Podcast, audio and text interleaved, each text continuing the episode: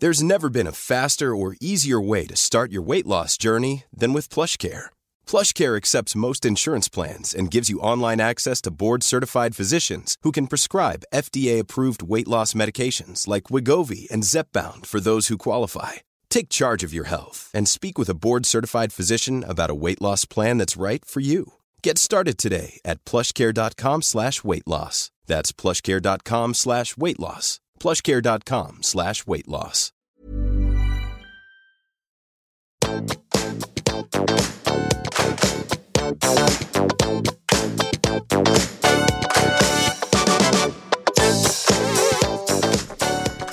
Hallo alle sammen, og velkommen tilbake til podkasten Karriereveiledning med Elaine. Jeg har selvfølgelig med meg en eminent gjest. Det er ingen ringere enn Hva heter det? Trommevirvel? Vær så god. Who Hei. are you? Mitt navn er Ikke vær så seriøs. Nei, da er jeg bare tuller. Jeg er husgjesten til eh, Elaine som eh, har blitt invitert inn for å prate litt om eh, myter og sånt. Eh, da hun tok opp det temaet, så sa jeg ja, selvfølgelig vil jeg være med på det. Yes, og det er det vi skal dra dere gjennom i dag. Myter når det gjelder jobbsøk, arbeidsmarkedet, valg av utdanning og karriere. Det er så mye visvas og så mye bra der ute. Og vi skal nå rydde opp mitt... Du, nå hørtes ut som jeg ikke kunne engelsk. Mythbusters. Mythbusters. Eh, Gisle jobber eh, til vanlig som leder ved Karrieresenteret ved Universitetet i Oslo, og er også Aftenpostens skal vi si, karriereekspert. Det kan du godt si. Eh, Jeg liker jo ikke begrepet ekspert Ikke eh, så veldig godt. Men Det eh, sier er vi noe- hver gang. Ja, Det er noe meg det ringer til, da. Så, og litt kan vi vel om det der etter hvert. Ja, og det er derfor vi skal gå rett på den første myten, og det handler om dette med jobbsøk. Og veldig ofte så har jo jeg og du møtt folk som sier sånn Ja, men det var uflaks, eller jeg har sendt inn søknad, men det er jo sånn at de får inn masse CV-er og søknader, så bare kaster de liksom halve bunken. Eh, altså, man har litt uflaks, da. Det, det er jo ofte en myte. Man har litt uflaks, øh, og jeg har hørt den historien opptil mange ganger. Eh, og jeg tror den er omtrent like sannferdig som uh, finansverden presenteres i Exit. Altså, det er ikke så nært knytta opp til virkeligheten. Uh, og det er litt sånn cowboy-macho-kultur ved at uh, har du ikke flaks, så kan du ikke jobbe for meg. Eh, det kan vel hende at det er en eller annen fyr som har sagt det en eller annen gang. Eh, og så er det overhodet ingen rot i virkeligheten. Eh, vær trygg på at du møter profesjonelle, dyktige folk som leser det du har sendt inn, og svarer deg forhåpentligvis på en høflig måte. Mm. Og det er det jeg også opplever. Og det handler jo litt om dette med hvordan man også attribuerer, som er et begrep fra psykologien. Og det handler jo litt om hvor er det man plasserer det som har skjedd. Eh, hvis jeg f.eks. ikke lykkes, så tenker jeg sånn at dette, dette var jo Og det, alt dette dreide seg om meg, og jeg er ikke bra nok, og jeg er ubrukelig. Eller så er det nettopp det å tenke at det handler om de andre. Eh, Så, så er det sånn den forståelsen av hva er det jeg kan ta ansvar for i prosessen, hva kan jeg kontrollere, har gjort det jeg skal. Ja, da var det kanskje ikke du som var riktig den gangen, og som vi har snakka om tidligere, så kan man jo på en måte eh, lære av det. Men jeg er også enig med deg. Jeg ser liksom ikke for meg at eh, her skal jeg bruke masse tid og penger på rekruttering som arbeidsgiver, for jeg skal ha inn en eller to kruttkandidater, og så bare kaster jeg halvparten av bunken. Flyr den ut i lufta som man spyr ut dollars. Det er jo ikke sånn det er. Det er ikke sånn det er. Dette er tidkrevende. det. Det er tidkrevende og, Og men det man dyrt. kanskje, og dyrt. Men man kan også være forberedt på at man kan eh, ikke alltid få anledning til å sende både CV og søknad. Kanskje det er et kort videointervju på ett minutt, eh, sånn at de kan få scrolla fort igjennom. Eh, Det kan godt skje, men at man bare kaster det fordi at man syns det er kult og macho, nei, jeg tror ikke det. Nei, eller at det blir for mye. Det er også det jeg har hørt at nei, men de hadde så mange søkere, bare kaste halvparten på, tenker jeg sånn. Ja, ja. Det var en myte, da kan vi legge den død. Og det neste det handler om, og dette har vi hørt ofte vi også, at eh, arbeidsgivere de liker aller mest å ansette folk som er like seg sjøl. Ja, Uh, og der tror jeg vi skal uh, tørre å gå ut av kategorien sant, ikke sant. Jeg tror det er en viss grad av sannhet i det. Eh, og det ser vi jo, og referansegrupper er jo noe man sammenligner seg med selv. Og vi ser jo det at man kan være tilbørlig til å ansette folk med samme verdier, samme type utdanning, samme type bakgrunn generelt. Det tror jeg nok gjelder til en viss grad, og det, det vet vi også. At det er ikke alltid slik at man tør å tenke helt nytt. Men så er det også noe som heter at eh, vi skal ha diversity inn i organisasjoner. Vi skal ha flere eh, perspektiver og syn. Og jeg tror ganske mange der ute vet at uh, framtiden vil være annerledes enn nåtiden. Så hvis man ikke tenker nytt rundt rekruttering, så, så, kommer det til å gå dårlig. Gårsdagens løsning er ikke morgendagens løsning. Oh, det er sånn som Oprah Winfrey sier. Yeah. This is an aha moment. Jeg vet ikke helt om det var det, men vi kan i hvert fall kalle det for det. Men, men det jeg tenker, Gisle, og, og jeg har jobba som leder i mange år, og mellomleder eh, og avdelingsleder, og hatt mye ansvar i perioder. Og jeg husker, og dette er sikkert en sånn modningsprosess, og jeg er fortsatt i utvikling, men jeg husker hvor eh, utrolig slitsomt jeg tenkte at det hadde blitt hvis jeg hadde bare ansatt folk som meg sjøl. Fordi jeg er veldig god på mye, og så er det noen ting som jeg ikke har lyst til å utvikle meg på, eller hvor jeg opplever ikke er svake sider, men det er ikke der eh, lidenskapen ligger.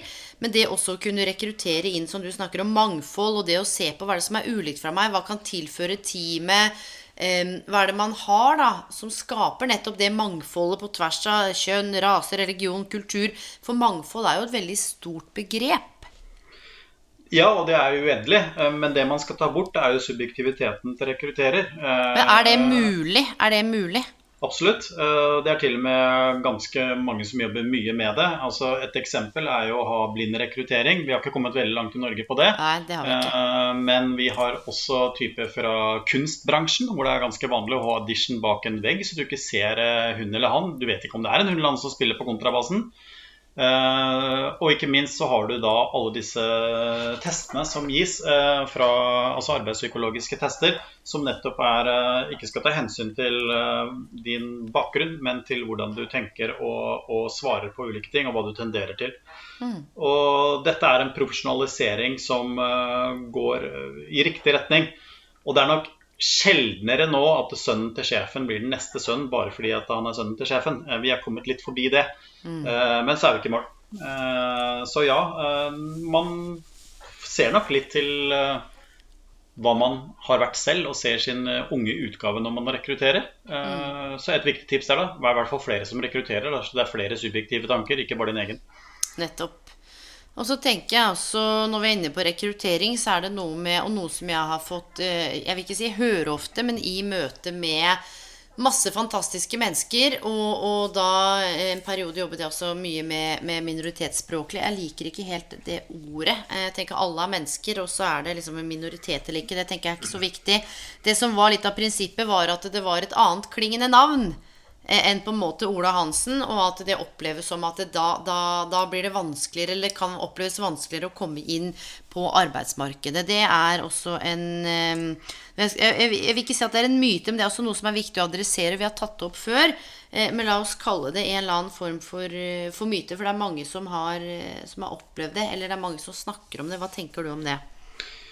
Jo, jeg tror det er en, en, myte som går litt i begge retninger. At man kan dra ekstreme fra det og si at nei, her diskriminerer vi ikke. Mens andre mm. sier jeg kommer til å bli diskriminert. Altså hvert sitt ytterpunkt. Mm.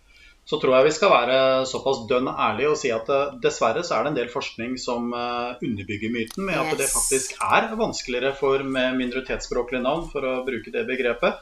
Jeg tror en undersøkelse fra 2012-2013 viste fra Fafo at det var sånn ca. 20% mindre sannsynlig å komme inn og da, da, sendte man rett og slett ut like søknader hvor man bytta ut navn. Uh, mm. Den undersøkelsen fins. Eh, og så tror jeg det beste man kan lære fra den myten, er å faktisk være, være klar over det. Dette kan skje.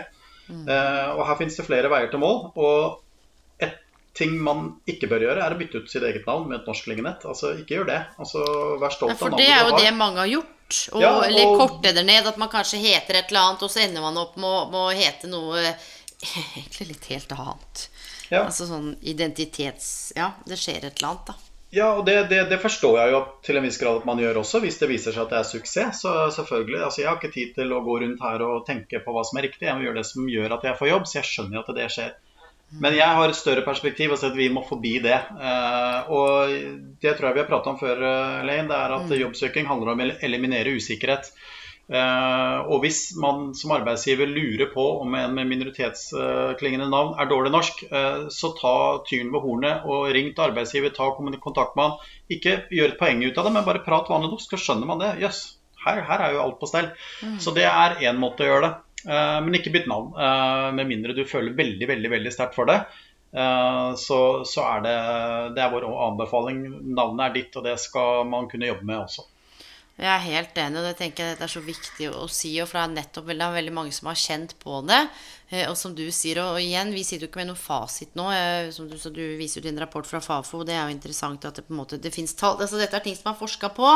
Og så handler det også om eh, om man er den som kjenner nettopp på dette og, og bytter ikke sant? Det er noe med det å Vi har kommet et eller annet sted hvor det der å være stolt av, av, den du er. Vi snakker om mangfold, det å stole på seg sjøl. Og det derre uavhengig av hva du heter. Altså at det på en måte er en faktor. Jeg tror Hadde jeg møtt noen som hadde sagt det til meg, at det var en faktor, så tror jeg hadde gått i bakken. Ja. Ikke sant? Det, det, er så fjernt for det, Vi må anerkjenne, som du sier, men det er så Jeg, jeg veit ikke. Det er, eh, det er så fjernt. Men, men ikke. Nei, men jeg tror at vi må gå og se litt på evolusjon versus revolusjon. Jeg tror dessverre ikke at det kommer til å skje en sånn kjemperevolusjon hvor alt er bra om to uker. Nei, nei. Men så er det disse eksemplene, og det er det viktigste man gjør eh, yes. som arbeidstaker. Det er å gå fram og vise Vet du hva, se, jeg jobber jo som en kjemperessurs. Eh, så har vi andre typer folk som uh, Ikea, som har klart å få til et kjempeopplegg mm. på dette. Jeg tror de har 70-80 nasjonaliteter, og flere har det. Så når flere ser det, så skjønner de kanskje at eh, det er kanskje litt dumt å velge bort så mye kompetanse pga. hvordan jeg leser navnet. Eh, mm. Kanskje jeg skal ta meg sammen litt og begynne å se på om vi faktisk er flinke nok til dette her. Eh, fordi arbeidsgiver på sikt har de ikke råd til å si nei takk til det. Det er ikke veldig lenge siden vi diskuterte om kvinner kunne være ledere. vet du. Eh, så takk kvinnebevegelsen på 70-, 80-, 90-tallet på at de viste at jo, det går an. I dag er det ingen som reagerer på det lenger. Det var kontroversielt for 40 år siden. Så den evolusjonen er eh, Den må skje. Går du på 60-tallet, så måtte du være advokat, eh, ingeniør for å kunne få jobb. Samfunnsvitere, det var ingen som ansatte det. Så dette går i riktig retning. Sakte. Ja, og, men det er noe med Og nå skal jeg ta opp noe som er helt på sida. Det, det, er ikke sikkert du har hørt om det. Det kan godt være at du har hørt om det. Men det er en bevegelse nå i USA som heter woke. Eller som heter cancel culture. Og det vil si at det kan godt være at det kommer en eller annen film på TV. Vi har hatt den samme diskusjonen her med nissene på låven bl.a. Hvor det var en som hadde eh, skokrem i ansiktet. Så Husker du den, den, den, debatten der? Og det er noe som heter altså, woke eller cancellation culture, hvor jeg har sett at du har lagd eh, Dirty Dancing da når den kom ut. Og hvis det var noe som var kvinneundertrykkende, eller hvis det var noen undertoner der, så enten så krever på en måte eh, de som holder på med dette her, at den filmen skal bli fjerna, eller at det skal komme sånne svære advarsler. Hvor det står at NB, denne filmen er kvinnefiendtlig, f.eks. Eh, eller at det tas bort. Og så tenker jeg Jeg kan, jeg kan eh, eh, navigere meg i alle perspektivene, men jeg tror også du er inne på noe viktig nå. Hvis vi skal begynne å slette ting fra fortida, så har vi på en måte ikke noen referansepunkter å gå tilbake til for å se hvordan var det, hvordan er det vi har utvikla oss. Hva er det som skjedde da eh, at Rosa Parks reiste seg opp på den bussen ikke sant, og nekta å sette seg ned? Hvis man hadde liksom radert en del historiske ting, så ville vi jo ikke hatt den innsikten vi har i dag. Nei, og jeg tror at man må forstå historien for å kunne yes. håndtere framtiden. Min datter eh, hun er jo såpass ung nå at hun skjønner ikke hva en fasttelefon er, og ler hver gang hun ser det på film. Altså, Hva er det dere holder på med der? Må dere løpe etter telefonen og ta den før du slutter å ringe, eller? Ja. Uh, du, det der er helt sjukt. Ja, men uh, jeg satt jo og bet negler i kjellerstua når jeg var ti år, for jeg satt og brøt loven og så på Life of Brian. Det var forbudt å se på den. Så ting skjer, altså. Uh, og jeg husker vi hadde telefon der sånn du kunne dra rundt. da Ja, det, sånn drrr, ja, ja, det er veldig bra. Datteren din veit ikke at man har tatt Du, når du sier det, så tenker jeg at det er jo, det, det er jo helt vilt. Ja, men det er noe av poenget her. Altså, Verden går framover. Uh, og ja. ikke vær så redd. Og så skal vi ikke fornekte det som har vært heller. Uh, Nei. Men det er det, jeg mener, at vi må ta med oss det, og, og faktisk anerkjenne at ja, det fins en del som har hatt minoritetsklingende navn som Eh, vi kan jo ikke si at det er derfor de ikke har fått jobb, men hvor det faktisk kan ha vært eh, en grunn til at ABC. Eh, mens nå er på en måte tanken og det vi snakker om, at det står for det. Stå i det. Vær det gode eksempelet. Altså gå foran. Vær stolt av navnet ditt og den du er. Your culture, your heritage. Altså alt du har med deg. Ja, og da kan vi knuse en myte til mens vi er inne på tematikken. Jeg får av og til høre at det er ikke noe vits med fagforeninger lenger, for den kampen ble gjort på 70-, 80- og 90-tallet. Ja, de gjorde en viktig jobb, da er det ingen tvil om det, men den veien er ikke i mål. Og det endrer seg, og vi trenger fortsatt det trepartssamarbeidet. Så for all del, organiser deg hvis du har lyst til det. Mm. Uh, vi er ikke ferdig med fagforeninger, uh, og heldigvis. For den der fikk du den, Gisle. Det så engasjerte deg. Ja. Nice. Ja, og det er faktisk lenge siden jeg har tenkt på. Fagforeninger. Bra, da fikk du slått et slag for det.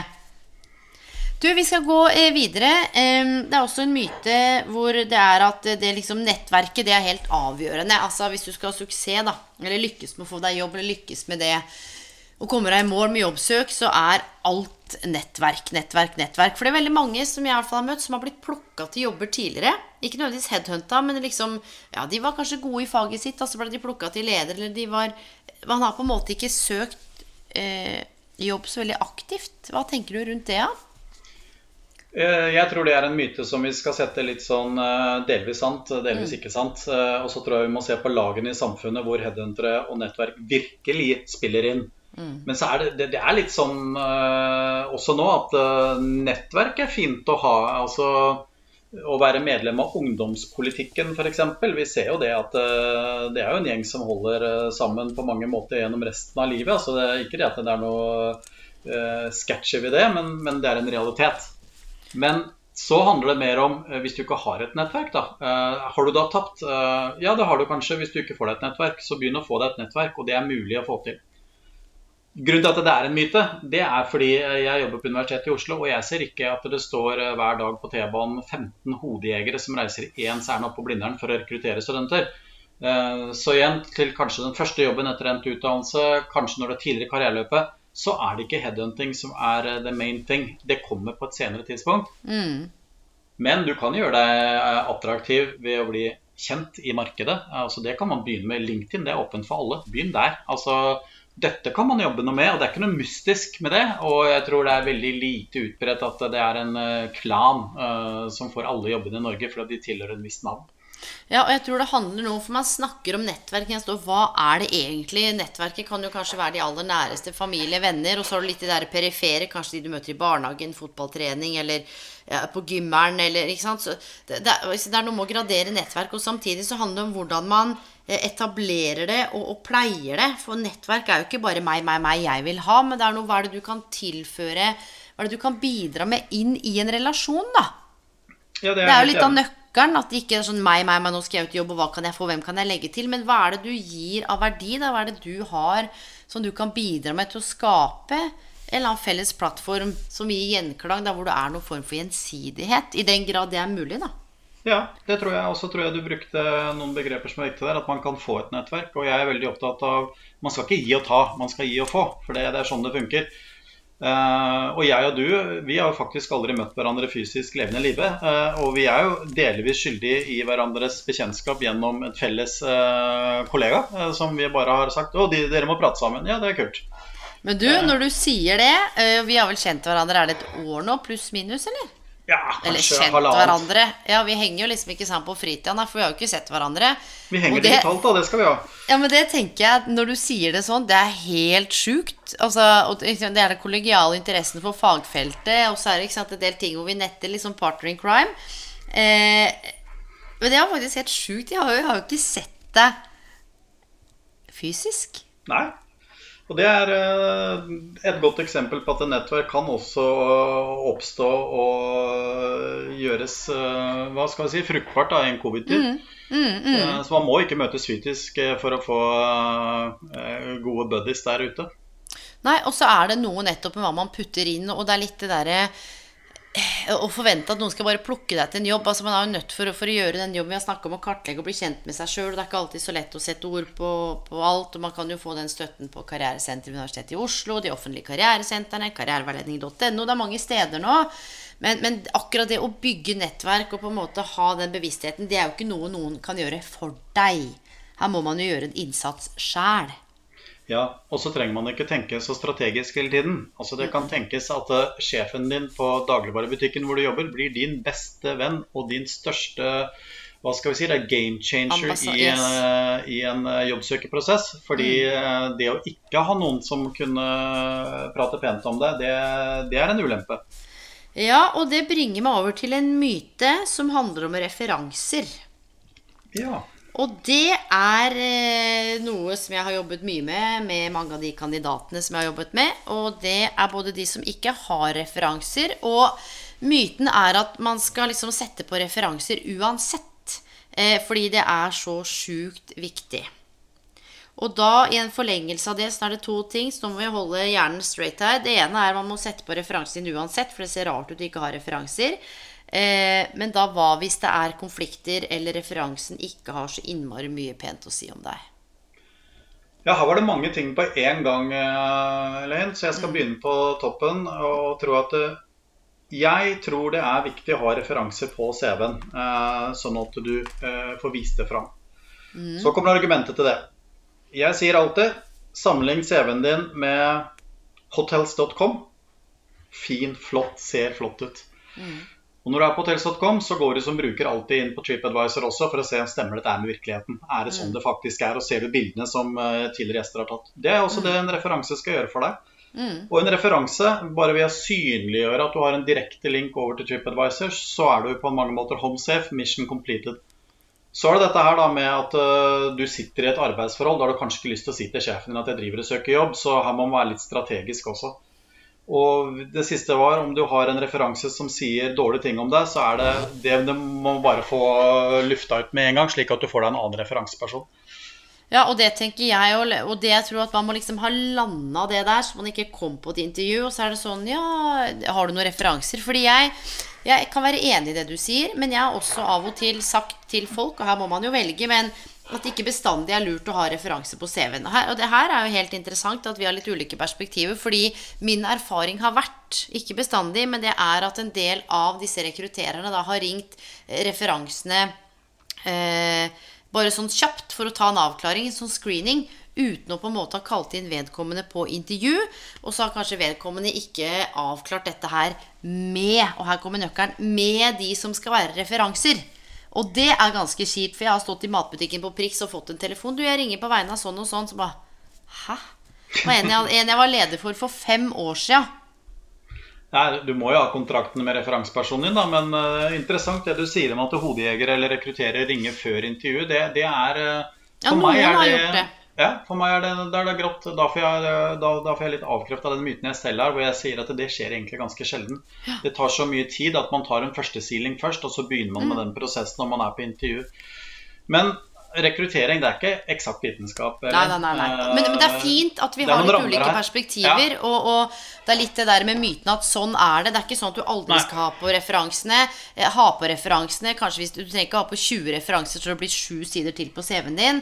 Eh, og så er det i hvert fall noe med å ha noen tanker om at du har disse referansene, om du ikke setter det på, eller om du gjør det.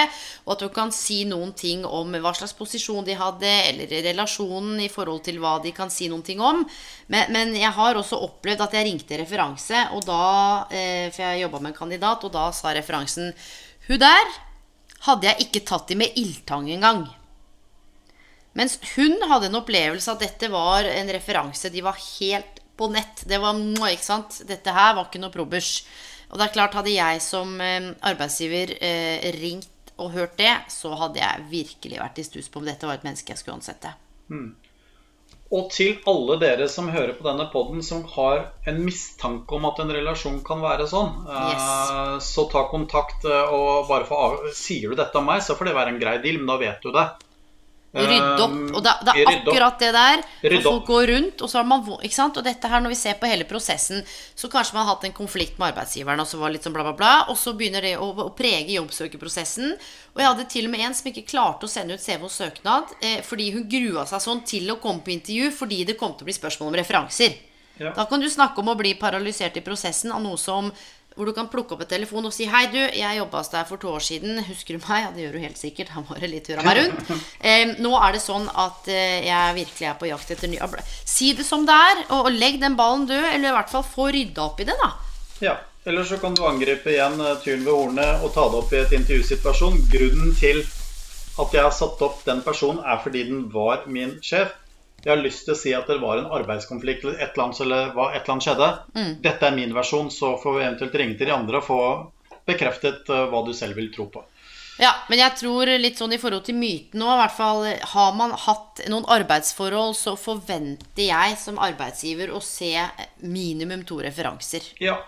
Det, det er en sånn eh, Det gjør jeg altså. Er det klart, hva, hva tenker du hvis jeg er ung, da? Jeg har aldri jobba før. Eh, og så sier folk til meg 'har ikke noen referanser', eller bare 19 år, eller Hva pleier du å si da? Jo, altså jeg pleier å si at de fleste av oss har en referanse. eh, Og hvis du ikke har det, så må du si å skaffe deg en. Så skal jeg vise deg andre måter å få det på enn nødvendigvis en sjef. Ja. Eh, Er du student og 19 år, så meld deg inn og ta ansvar i en studentforening. Så kan du få sjefen for økonomi til å fortelle hvordan du utfører jobben som økonomiansvarlig. Altså, Du kan bruke veilederen din. Mm. Yes. Det er mange steder hvor man har vært og gjort en skjerv eh, for noen andre som kan gi en start.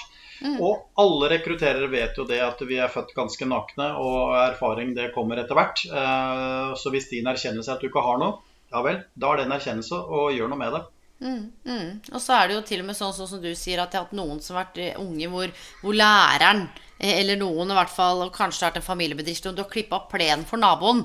Så har naboen skrevet sånn eh, 'Camilla har klippet plenen to ganger i uka'. Altså bare helt sånn at ikke være så mye, men alle har jo et eller annet. Ja da, jeg jeg. husker jo selv min første søknad. Da, da søkte jeg for å bli utvekslingsstudent til USA i svært ung alder. Og jeg brukte fotballtreneren min som referanse, som kunne si at jeg hadde møtt på trening, tok imot ordre, var snill og grei og mobba ikke de andre gutta. Som en første referanse. Så har du hatt noen uh, i oppveksten din, det er Altså idrett var det da min vei inn, og kanskje de har en vei inn, de også. Mm. Kanskje det er Eh, korps. Ja, var du i korps òg? Aldri. Nei. For når, når vi er inne på idrett, da, så tenkte jeg at vi skulle liksom snakke litt om fotball. Jeg er jo Westham-fan, og du har jo et favorittlag, og det er Det er verdens beste fotballag, som heter Liverpool. Ikke sant? Er det noen myter vi kan knuse om Liverpool, eller? At det er, er det verdens beste lag, liksom? Ja. Nei, nå, nei, nå må ikke, må ikke hisse deg opp nå, Gisle. Nå skal Nei, vi gå videre. eh, Ja, gjør det. Må ikke snakke til alle, alle som er fotballinteresserte. Dette må vi ta på fritida. Ja, Men det er jo litt, det er jo litt interessant fordi eh, Du er jo fan. Du er jo skik skikkelig fotballfan. Det er jeg. Eh, og jeg, jeg skal ikke tøyse med det. Vi kan tøyse litt etterpå. Vi kan tøyse litt. Ja, nå. Nå, nå blir den helt sånn svett i barten, Nå renner svetten her. Se, nå står Nei, vi må ha det litt moro. Vi må ha det litt gøy.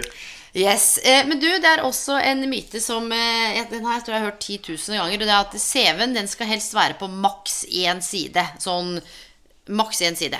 Hva, hva Ja. er det for noe greier?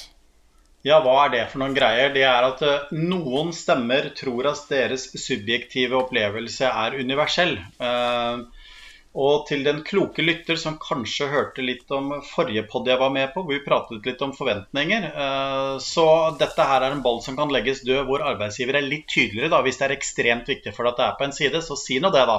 Sånn at den som sitter og skal sende av gårde, slipper å vurdere vil han eller hun ha én eller to sider. Sannheten er, og dette har jeg undersøkt med hva skal vi si da, litt sånn halvvitenskapelig metode, eh, og henta en masse svar fra arbeidsgivere. Vil dra én eller to sider. Og det spriker jo alle bauger og kanter. Det er ikke noe svar. Eh, Så jeg vil si én side går fint. To sider går fint. Kanskje bli litt forsiktig hvis du nærmer deg veldig mye mer enn det, for man skal tross alt lese dette. Men myten om at det må være på én side, den er i hvert fall ikke 100% sann. Nei, og så tenker jeg sånn til de som kanskje har er master og ph.d., eller hvor det er en del publikasjoner, bare så det er liksom sagt òg, så det kan man faktisk legge ved som eget, eget vedlegg. Og si noen ting om at her har jeg liksom 119 publikasjoner på 107 sider. Altså, se vedlegg hvis du er interessert. For det er litt sånn eh, Og så er det noen som tenker sånn Nei, men det må ikke med. Og så ser jeg som man har med liksom de to siste jobbene, og så har du hatt ti år med masse andre jobber som kan være av interesse. Ja, men jeg syns kanskje det bildet jeg bruker, som, er, eh, som sier noe om CV-ens lengde, det er at den bør være omvendt proporsjonal lang med hvor kjent du er. Eh, la oss leke at Jonas Dahr Gahr Støre ikke gidder å være sjef i Arbeiderpartiet lenger, eh, og sier nå vil jeg gjøre noe helt annet. Så tror jeg nesten det holder med en e-post hvis han har lyst til å gå til Røde Kors og begynne å jobbe der. Hei, Jonas Gahr Støre her, har dere en åpen mulighet her? Så tror jeg de sier ja, de trenger ikke å se CV-en, for den er kjent. Men hvis du derimot skal søke jobb i Røde Kors eh, som nyutdannet eller uten noe særlig erfaring, så må Røde Kors vite mye mer om deg. Eh, så kanskje som nyutdannet to sider, og kanskje som 40-åring hvor du har en del erfaring, kanskje en side. Eh, hvor kjent er du i markedet? Og så gjelder det noe med å være litt edruelig, da, sånn at man ikke, at man ikke overestimerer hvor kjent man er. Det er alltid en fordel. Tenk, og da kan man jo kanskje snakke litt sånn med de rundt seg. Jo, jo, men jeg har jo møtt folk som er høye på seg sjøl, som tenker at de er større enn det de er, og det er helt supert, det. Men, men det er altså den derre Jeg tenker også når man ser på en søknad, særlig som man har litt sånn målretta Nå skal du søke på målretta stilling. Er det liksom en, en relativt kort og skarp annonse, så trenger man, eh, når vi snakker om søknad, så trenger man jo ikke bruke sju sider på å skrive doktorgradsavhandling på å svare på en relativt si enkel og skarp annonse, da. Og så er det kanskje noe annet hvis det er mye mer innvikla. Du begynner å si at annonsen er på to og en halv side. De spør om en del ting som man skal forsøke å svare på. Så det handler liksom om å se det i forhold til hva som etterspørres også. Sant? Det er klart. Eh, og av og til, som jeg har sett eh, eksempler på, så står det som et krav at du skal være, ha en skarp penn og et tydelig budskap. Og når man da bruker to sider på å forklare det, så har man kanskje ikke det. Eh, så det handler litt om å svare på hva man stiller spørsmål om også. Og så er det én ting til. Du var litt inne på det, det med å søke på stillinger man overhodet ikke er kvalifisert for. Mm. Eh, det kan godt være morsomt, det. Eh, og det skjer jo alltid. altså Når NRK skal ha ny kringkastingssjef, så lyses jo det ut. Og så kommer det ti veldig seriøse, så er det alltid en som har sett mye på TV, som har lyst til å komme inn og få jobben. Og det, ja. det, er litt morsomt, eh, men så skal man huske på da, at eh, alt er åpent i dag. Eh, mm. Alt blir tilgjengelig. DN trykker søkelister til veldig interessante stillinger. Mm. Og det er synlig forever og for alltid. Og da kan man begynne å lure på det om tre år. Hva slags vurdering gjorde du deg egentlig da du søkte på det? Var det bare for å tulle med prosessen, eller trodde du virkelig at du hadde sjanse til å bli kringkastingssjef? Det der er faktisk eh, Og det nå er vi inne på noe som jeg er eh, over snittet opptatt av. Dette med selvforståelse og selvoppfattelse i de prosessene her. Hvem, hva er det jeg tror, tenker og mener og føler om meg sjøl? Og, og, kunne navigere den forståelsen av seg sjøl og den forståelsen av verden rundt deg. Ja. ja, men også i framtiden, for historikken blir aldri borte. Eh, så hvis du gjør helt opplagt litt sånn, hva skal vi si, da ikke så grundige analyser av din egen uh, mulighet til å få en sånn jobb, så vil mm. den analysen ligge der ute i, på nettet forever hvis du ikke tenker deg om. da. Og Jeg tror ikke det er noe sånn kjempeskade at du søkte jobb som uh, NRK-sjef da du var 22. Nei, Men nei. du må jo sitte og prate om det når du er 28, når du er 42 og når du er 31. Hvorfor søkte du på denne jobben? Ah, ja, og så er, det noen som har litt uh, big kahonas, da. Ja. Litt sånn der shoot for the stars. Det, det er jo noen eh, som har fått noen jobber hvor du tenker sånn How on earth did you get that job? Men de har bare vært helt sinnssyke på via via eller skjønner du, kommet seg inn. Men i stor grad så er det jo litt det du beskriver nå, tenker jeg. Og da er vi liksom over på eh, noen eh, myter eh, til. Og det er den ene sånn Seks av ti jobber lyses aldri ut. Ja. Hvor kommer det fra, liksom? Har du sett noe forskning på det? Nei, du vet hva, Her er dagens lyttespørsmål. og Sender du inn uh, svar til en, så kan det være med trekning av en kopp. Uh, fordi uh, det vet jeg ikke. Jeg har prøvd å undersøke det litt. Hvor kommer det tallet fra? Og så tror jeg det er et tall som kan ha en virkelighet i kanskje noen type stillinger til noen nivåer i noen bransjer, så tror jeg kanskje det kan være. Og litt tilbake til dette nettverket vi prata om i sted. Det er nok mer utbredt noen steder. Mm.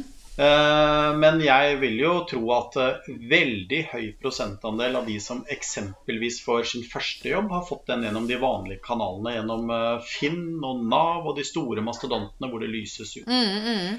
Seks av ti det er jo mer enn halvparten. Og når halvparten av norsk, Norges samfunn består av en offentlig og privat sektor, så skal jo faktisk offentlig sektor lyse ut. Det er det lovpålagt å gjøre. Så nei, jeg kjenner ikke til det. Og jeg vil beskrive det som en hvert fall ikke helt sannferdig sak. Jeg tror det er en myte om at, det sånn er, at arbeidsmarkedet er knyttet sammen sånn. Mm, og så vet vi at det ligger noen stillinger i gråsonen rundt omkring. ikke sant? At eh, noen bemanningsbyråer kanskje sitter på en del stillinger som ikke er helt utlyst, eller det ligger litt og vaker. Nå jo, er jo ting mye mer tydelig. Nå på jobs på Facebook og på LinkedIn så er det jo pumpes det ut. Og, og, det er klart at det er noen stillinger som ikke helt er eh, hvor annonsen er ferdigskrevet. Og, og, det er av og til, som jeg sier også i dette landskapet, så kan man gå kanskje sånn eh, før covid, da. Eh, og gå liksom, om ikke banke på dører, så i hvert fall er det mulig å snekre sammen en jobb av og til også. Og skape et behov. Ja, ja. Det har jeg sett flere folk har gjort. Men akkurat den derre seks av ti, og sånn er det, det, det har vi til gode å se noen tall på. Ja. I hvert fall Så- sånn grundig for hele samfunnet og alle bransjer og brukket ned. Ja. Jeg kjenner bare til uh, slagordet seks av ti, og jeg har aldri sett uh, noe datagrunnlag for det. Nei, så den kan vi i hvert fall knuse. Men så er det en myte til, da. Og det er at fremtidens arbeidsmarked kommer til å kreve at kandidater har en formell utdanning. Livets skole, that is just not enough. Det tror jeg ikke er en myte. Det tror jeg faktisk har masse, eh, masse sant ved seg. Eh, Og til alle lyttere der, om det er til egen situasjon eller til noen du kjenner, eller kanskje dine egne barn, det er risikosport å ikke ta en formell utdannelse. Men når du sier formell utdannelse, ja, hva, hva, Ja. hva er det du snakker om nå? Fordi det jeg er redd Da for snakker jeg om å ta A. Et, eh, en fagskole. B. Et uh, fagbrev. Eller C. Eventuelt høyere utdannelse. Noe som kvalifiserer deg, noe som gir deg et sertifikat på noe. Ja, for det, det jeg er redd for, eller ikke redd for, men det er litt sånn som eh, Hvorfor vi gjør litt av disse mytene nå, er fordi at jeg blir helt svett av eksperter. Og, og litt av bakgrunnen for denne podkasten her, det var også noe jeg så i en av disse avisene hvor det sto sånn eh, Dette er den eneste tingen eh, Gunhild, karriereekspert, ser når hun leser CV-en din. Sånn derre drittklikkbait. Og vi vet jo det at det er jo mer enn For det første så tar det mer enn seks sekunder å lese en CV. Hvis du bare bruker seks sekunder på å lese en CV, så bør du gjøre noe annet enn å rekruttere. Ja. Det er min mening. Hvis du bare skummer gjennom, eh, da, da, kan du heller gå så kan du bruke den, de seks sekundene på noe annet. Og et, overlate den jobben til noen som tar seg litt tid. At man kan skumme gjennom og gjøre seg et inntrykk, ja. Eh, men at det bør gjøres litt mer grundig enn det. For det jeg er redd for eh, når man snakker om at Og dette er bare helt subjektivt, nå kjenner jeg hisser meg opp og blir litt ivrig. Det er er det ikke plass til de Er det ikke håp for de som ikke har noe form for utdanning, eller som dropper ut av skolen? Og vi ser også at det er høyere tall på drop-out. Nå er det eh, covid på gang. Vi snakker om folk som går glipp av fysisk oppmøte på skolen. Eh, det er mer utfordrende for noen.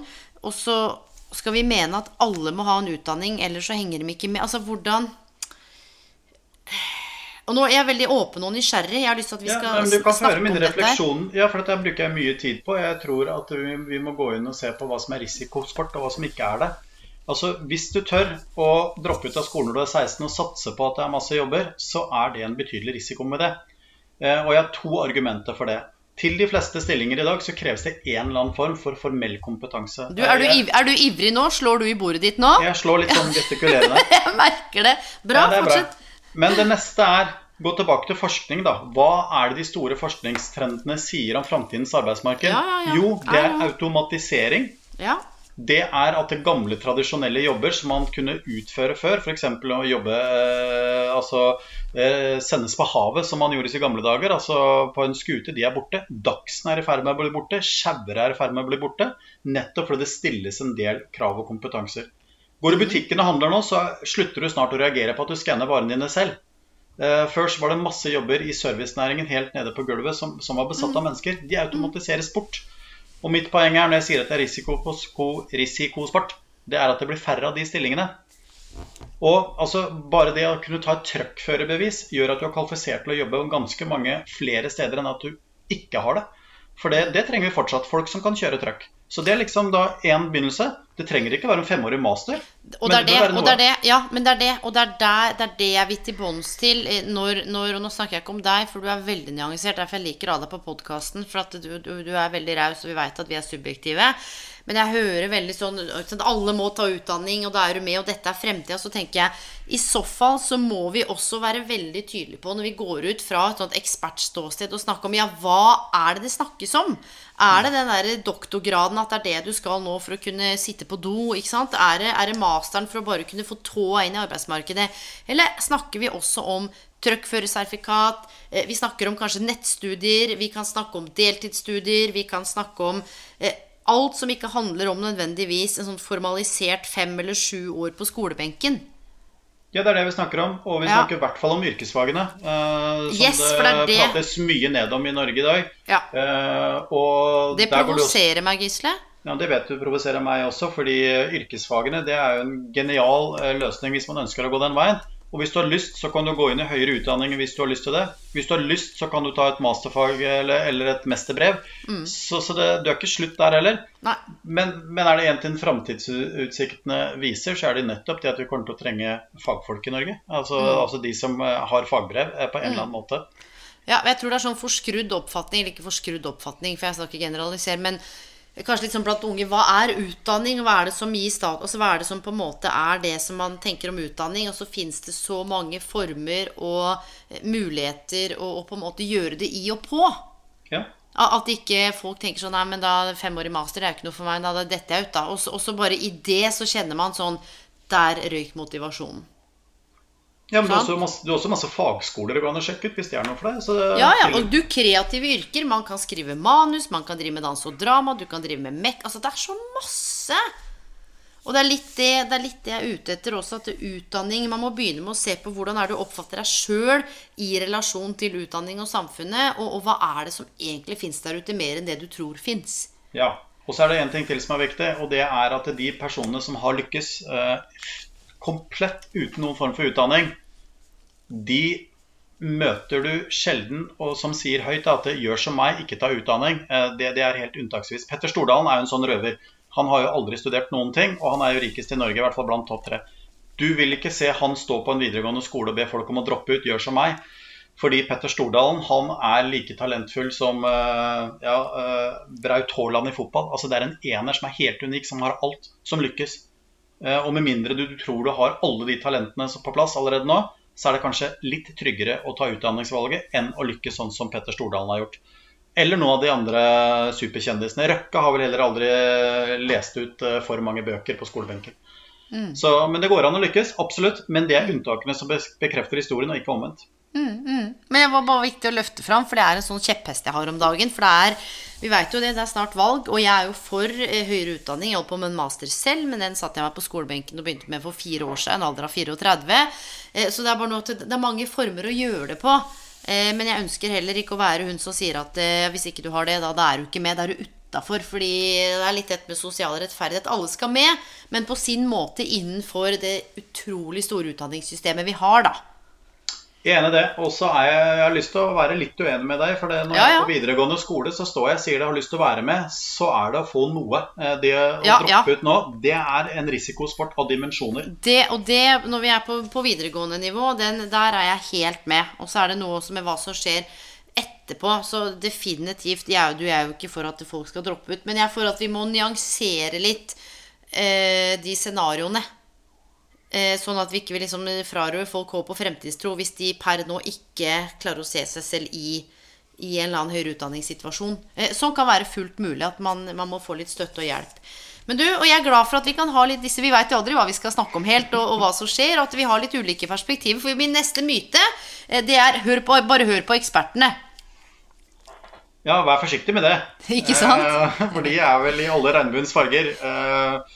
Og da blir jeg alltid litt skremt når noen sier 'du bør', så er min personlige ja. natur å si da bør jeg kanskje gjøre det helt motsatte, da. Men det er, ja. det er, veldig lett å si 'jeg har hørt at hun sier at', ja, hva vet de om det? Ja. Eh, hvor objektive er de? Hvor subjektive er de? Eh, jeg pleier å si at du har to ører og én munn. Eh, og Det betyr at man skal lytte mye mer enn man snakker. Mm. Men man skal også lytte kritisk til det man sier. For det kan hende at det finnes flere veier til rom her. Og det, det mm. gjør det som regel. altså. Ja, og det er derfor jeg ville ha med det nå. For nå, nå, nå er jo, vi er jo ikke noen sånne selvutnevnte eksperter. Men nå heter jo denne podkasten Karriereveiledning med Elaine. Det er det jeg driver med, og du driver jo med det du driver med. Eh, men det er noe med å oppfordre til kritisk tenkning. Altså ta med deg de tingene som treffer. Vær kanskje nysgjerrig på de tingene som du blir sint av, eller som uroer deg eller griper deg. Hva er det det treffer i deg?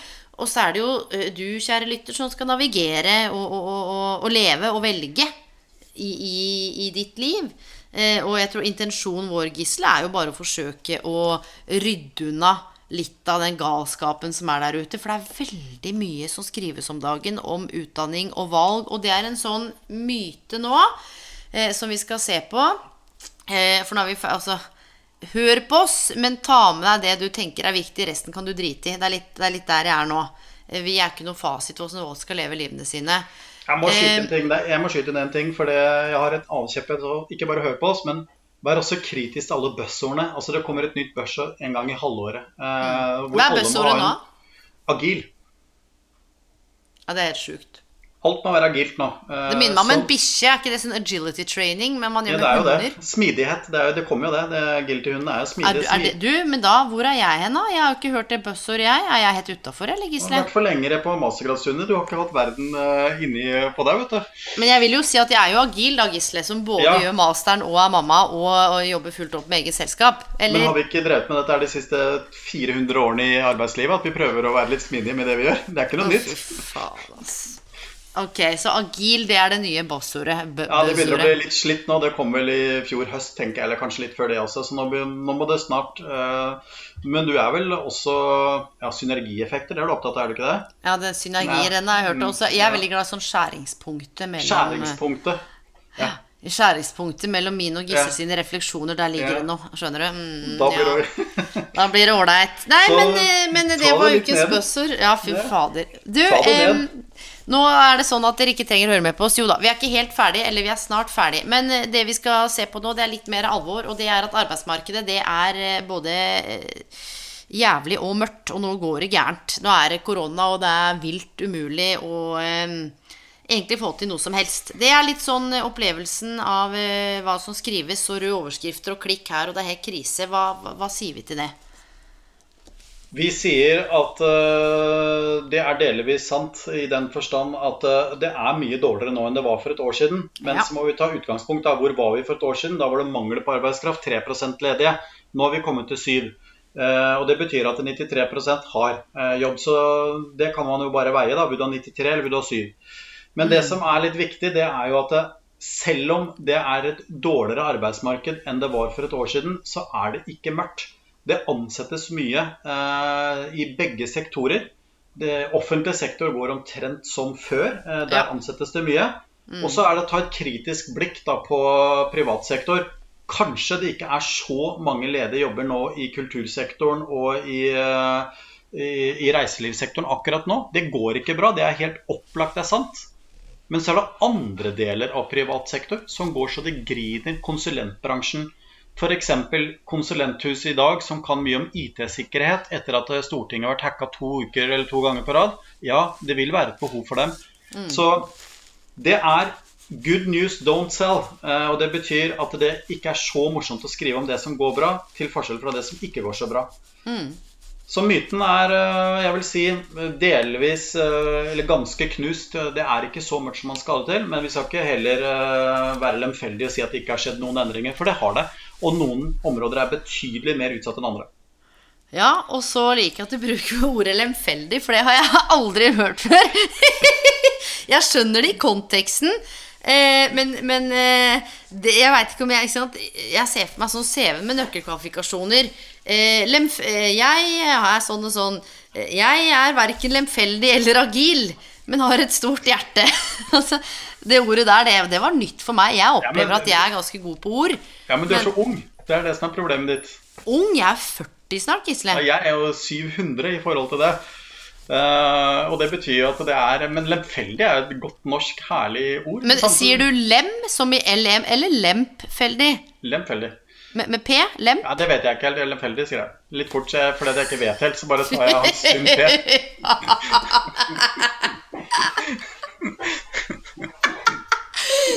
Åh, fy faen, fikk jeg vondt i magen. Ja, det er masse sterke ord man kan bruke. Nå syns jeg forresten du var litt durkdreven akkurat nå.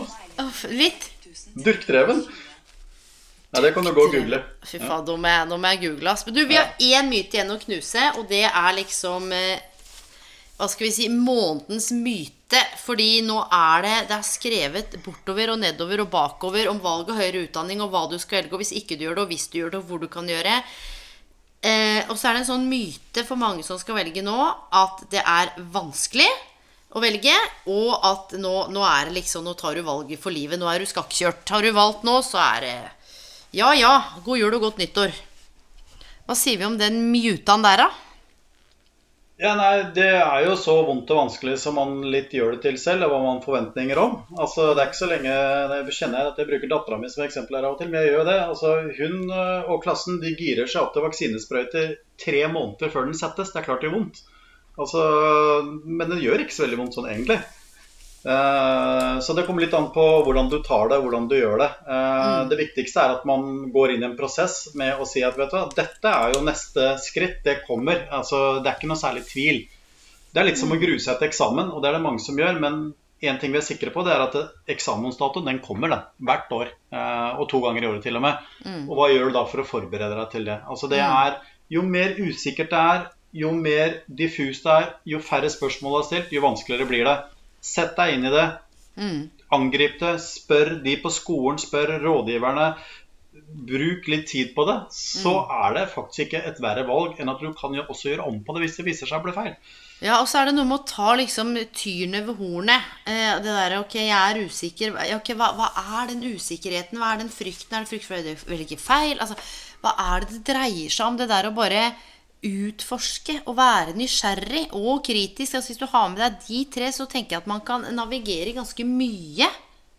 Skjønner du? Og det er ikke to streker under svaret for meg fra et karriereveiledningsperspektiv, hvor det er sånn at nå eh, studerer du det, ja, da skal du jobbe med det, eller da blir du det. Poenget at du skal jo ikke bli noen ting, for du er allerede noe. Nå skal du bare eh, utvikle roller og kunnskap og liksom bygge på den eh, karakteren du er, da. Tenker jeg.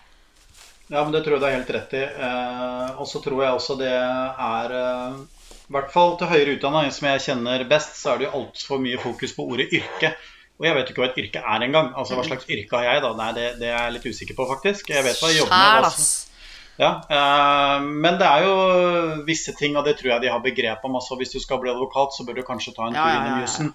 Men resten så er det mye mer interessant å finne ut av hva du ikke kan bli, enn hva du kan bli. Eh, så jeg pleier å si det. det, det, det dette er en floskel, altså. Men det er en viss grad av Jeg er litt allergisk mot floskler, men ja, kjør på. Hode og hjerte. Det er Bruk begge organer. Altså, ja, det går an å ha litt sånn 'Dette motiverer meg, dette har jeg lyst til'. Og så krydre det med en dose realisme. Hva skal til for å lykkes? Uh, har jeg sett litt bak i kortene? Hvordan går det med denne yrkesgruppen? Hva er mulig for å få til? Uh, så det, det går an å krydre det med begge deler. Og det, mine venner, det, det krydderet der, the spices, det var eh, det var RQ til å avrunde denne runden med mythbusting. Eh, avslutningsvis, Gisle, er det noen myter du liksom kjenner at du må få knust, eller har vi Ja, det er én myte jeg må få knust, og det er at jeg blir alltid innkalt til en halvtimes pod med Elaine, og det tar alltid en time. Så Har vi snakka så lenge nå, eller? Ja. Ja, jeg får kanskje se realiteten i øynene da, neste gang jeg kaller deg inn. Eh, og si at eh, dette, nå må du sette av en drøy time. Dette går ikke unna. Men det er jo fordi at det ene tar jo det andre. Sånn er det. Og alt her henger jo sammen. Så eh, kjære lytter, hvis du har lyst til å vite mer om, om tilbudet eller karriereveiledningstjenesten, studieveiledningen, så kan du jo sjekke ut eh, Karrieresenteret ved UiO. Gisle er å finne på LinkedIn, og han er til og med så gæren til å være 700 år gammel som han sa. Han er på Instagram også. Ehm, jeg skal ikke oppfordre folk til å spørre deg om masse, men det går an å booke veiledningstimer der. Og som jeg har sagt flere ganger tidligere, så er det mulig å få gratis karriereveiledning flere steder. Og det er litt det vi på en måte ønsker også med dette her. Ikke sitt aleine oppe i eget hue og prøv å rydde opp i alt sjæl. Snakk med noen. Ehm, jeg tror ikke du vil møte på noen eksperter som skal fortelle deg hvordan du skal løse livet ditt. Men rett og slett bare få noen perspektiver. Er det ikke det vi prøver å bringe inn, eh, Gisle? Jo da, så skal jeg prøve å overbevise deg om å bli med meg på klubba. Så jeg prøver å dra deg inn dit, så tar vi møtes der. Skal du dra inn meg? For jeg dro jo med deg inn sist. Nå har du jo vært på klubbhus med alle andre, Gisse. Nå blir jeg helt satt ut her. Nei, nå må vi, nå må vi avrunde, altså. Dette her blir del to. Eh, men vi har vært på Clubhouse, og vi kommer tilbake på Clubhouse. Mine venner, takk for at dere lytta. Litt fjas, men vet du hva? Det er covid times. Hvis ikke vi kan leke litt og ha det litt artig, da veit jeg ikke. På gjenhør. Og Gisle, takk for at du stilte opp eh, og tok en hel time av dagen din. Nydelig. Det var min glede, det vet du. Ha det godt. Ha det bra. Ha det. Ha det.